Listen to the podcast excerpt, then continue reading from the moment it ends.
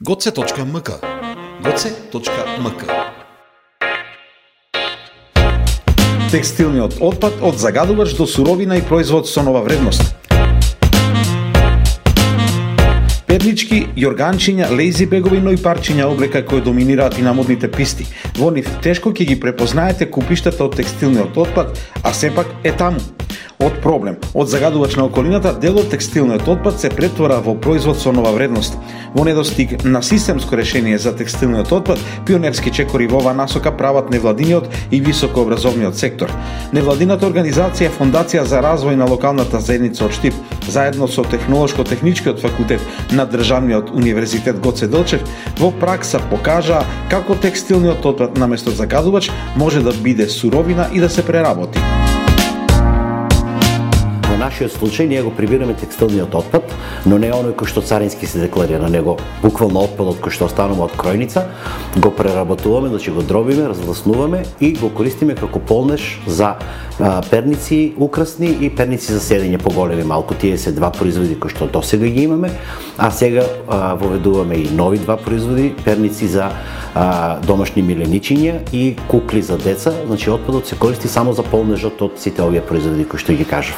Ова решение може да се имплементира многу лесно затоа што а, суровината за производство имаме, посебно во Штип, па и во дел, поголем дел од Источна Македонија, суровина има во секое време, таа е бесплатна, Значи со мала инвестиција може да се примени. Всушност и нашата идеја беше тоа, да го поминеме патот на формирање на вакво социјално предпријатие, кое што после како знаење ќе го дадеме на оние групи кои што се најзагрозени. Во нашиот случај, во првите првата година жени кои што останаа без работа од текстилните компании поради ковид кризата, а сега веќе подоцна се фокусираме повеќе на младите. А, но ова е само едно од решенијата. Можат секакви производи да се произведуваат, може да се произведуваат бекатон плочки, може да се користи најмногу во светот всушност се користи текстилниот отпад за изолациски панели во градежништвото. Значи можностите се безбројни, а инвестицијата за почеток на ваков бизнис не е многу голема и затоа мислим дека може да на некој начин да фати корен вели Борис Шарковски од невладината организација Фондација за развој на локалната заедница. На ниво на Македонија, годишно се фрлаат околу 9000 тони текстилен отпад според Државниот завод за статистика, кој завршува на депониите каде се гори и дополнително го загадува воздухот. Последиците од текстилниот отпад ги чувствуваме малку подоцна. Значи не ги чувствуваме во моментот кога се создава тој текстилен отпад. Ги чувствуваме кога тој текстилен отпад ќе биде превземен од текстилните компании а, или од домакинствата, ќе биде однесен на депонија заедно со комуналниот отпад. Што се случува во процесот на спалувањето се ослободуваат хемиски токсични материи, посебно ако тој а, тој е отпад е изработен, односно облеката е изработена од синтетички материјали кои што и како се користат во денешно време. Значи тоа е првата причина преку која што на некој начин го загадуваме воздухот и сето тоа го вдишуваме, не се враќа на некој начин како бумеранг. А втората а, неповолна причина или загадување кое што го прави самиот отпад е преку дождовите.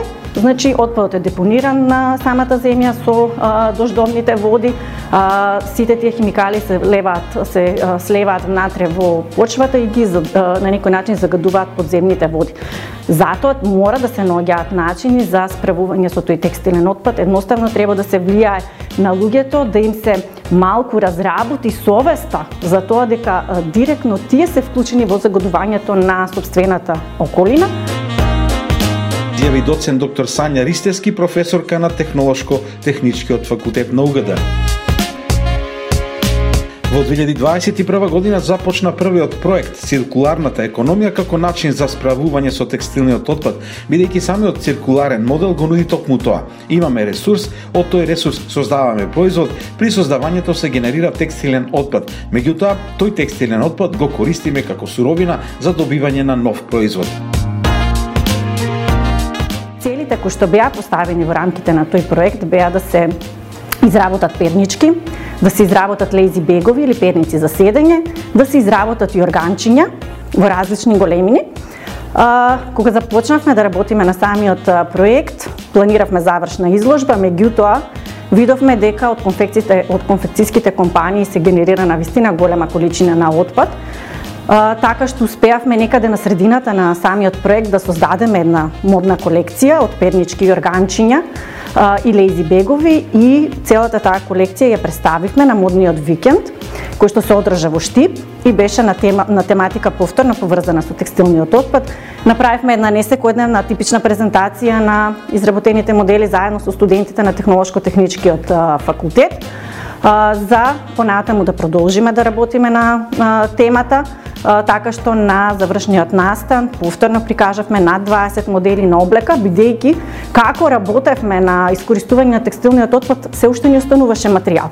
Па решивме, освен производите кои што требаше да ги изработиме во облик на перници, лези бегови, јорганчиња и така натаму, да изработиме и облека, Па така на завршниот настан беа направени на вистина солиден број на, на модели. Вели доцент доктор Сања Ристески. Ова е само едно од можните решенија за текстилниот отпад, кое има своја дополнителна вредност со вклучување во него на ранливите групи на граѓани. Освен жените кои останале без работа од текстилните компании, свој ангажман во преработката на текстилниот отпад можат да најдат и други ранливи групи на граѓани. Затоа се работеше со сензитивни ранливи групи. Првата обука беше со центар од порака, се работеше со лица со посебни потреби, каде отпадот од текстилните компании го редизајнираме во облик на мајци, торби, несесери бевме изненадени од креативноста на тие луѓе, бидејќи некако општеството денеска е навикнато да гледа на нив како луѓе со а, известна а, попреченост, меѓутоа верувате дека нивната способност е многу поголема од нивната попреченост, така што навистина покажа извонредни резултати вели Сања Ристевски. Друга обука се реализираше во Средното училиште за образование и рехабилитација Искра во Штип, каде учениците изработија прекрасни креативни дела. Тоа се ученици кои веќе се остручени да шијат, конструираат и моделираат, така што и оттаму излегува доста модели и успешно беше искористена голема количина текстилен отпад. Во сите овие обуки учествуваа близу 100 учесници, ученици, студенти, лица со посебни потреби, како и жените од текстилните компании кои останале без работа. За одбележување е што од студентите дел беа и од Шпанија, кои преку програмата Erasmus Plus престојуваат на УГД.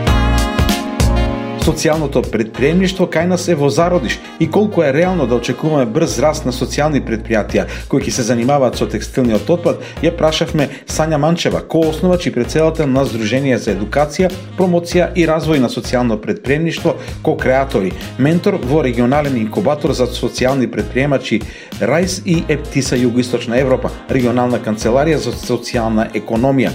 Таа вели, социјалното предприемништво настанало со потреба од создавање на нов концепт поразличен од хуманитарни акции и давање помош на маргинализираните заедници.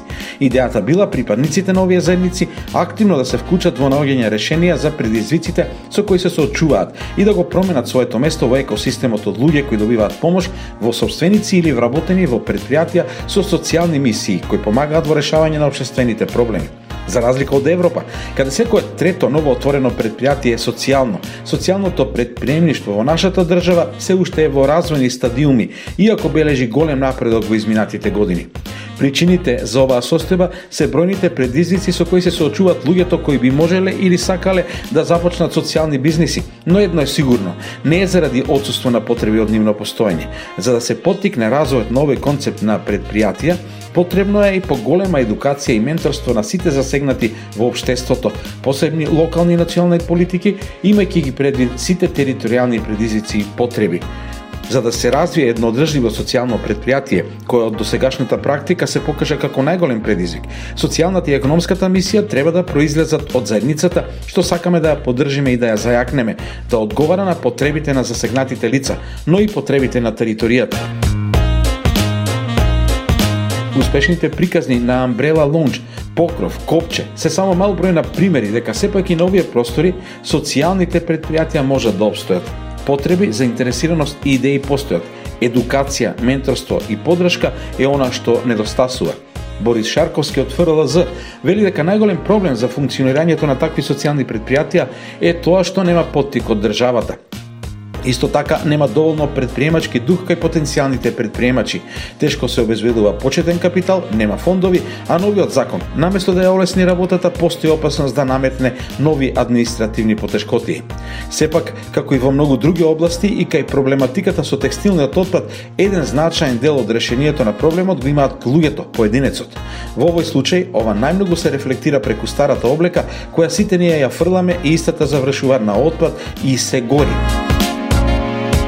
Во целиот свет е тенденција на енормно зголемување на производството на парчиња на облека. Самото тоа значи дека повеќе се купува и пократко време се носи. Полните гардеробери ни се проблем и од старата облека се ослободуваме на наједноставниот начин, ја фрламе во контейнер. Така, таа само го зголемува количеството на текстилен отпад со самото тоа и загадувањето. Решението е донирање на облеката или директно или преку собирните центри за стара облека, најчесто во организацијата на Црвен крст. Законските измени предвидуваат решенија и за старата облека, вели професор доктор Сања Ристески од 1 јануари 2023 година стапува на сила новиот закон за управување со дополнителни текови на текстилниот отпад. Сепак тој закон може да носи некои преоптимистични за нас промени, меѓутоа ако успешно ги прифатиме и успееме да ги имплементираме, очекуваме дека ќе има добри резултати.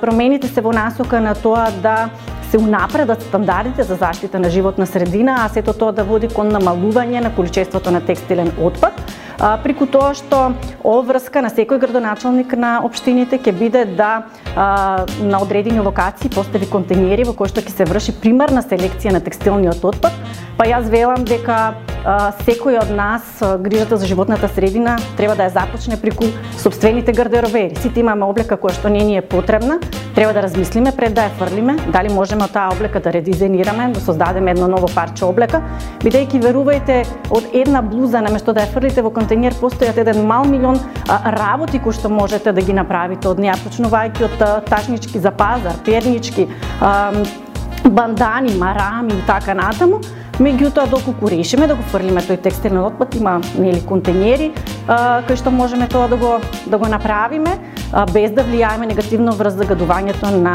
а, на околината. Секако многу е важна да се интензивира соработката помеѓу компаниите и универзитетите тој текстилен отпад кој што ние, тие го генерираат, ние да го користиме како ресурс, да можат студентите на факултетите да изработуваат одредени парчиња на облека, па сето тоа нели еден ден да можат и да го продадат на пазарот како производ со додадена вредност, во вид на дизајнерска облека. По иста насока одат и активностите на Фондацијата за развој на локалната заедница, потрудува Борис Шарковски една добра работа која што ние не ја знаевме кога всушност почнавме со проектот дека во меѓувреме се донеси и закон за управување со дополнителни текови на отпад кој што го опфаќа токму текстилот. И тука текстилните компании, регистрираниот купувачи на отпад, сите чинители, граѓаните, општината ќе имаат своји надлежности и тука ние очекуваме малку да поттикнеме поголема реупотреба на текстилниот отпад и да работиме и на делот со а, износени алишта, затоа што текстилниот отпад е едно оно што отпаѓа од конфекциите, но друг исто така голем дел се износените алишта кои што сите ние дома не знаеме каде да ги а, да ги фрлиме и најчесто ги фрламе во континери или ги подаруваме и повторно завршуваат во континерки. Се насочиме малку на реупотреба и повторна употреба и рециклирање и на износените алишта, повторно се во контекст на одредбите од новиот закон за управување со текстилниот отпад. Изработката на нови производи од текстилниот отпад преку социјални предпријатија е едно од можните решенија за овој загадувач. Секако, добар почеток во насока на ангажман и на текстилните компании на кои текстилниот отпад им е проблем, но и на институциите кои треба да бараат решенија за намалување на загадувањето на животната средина.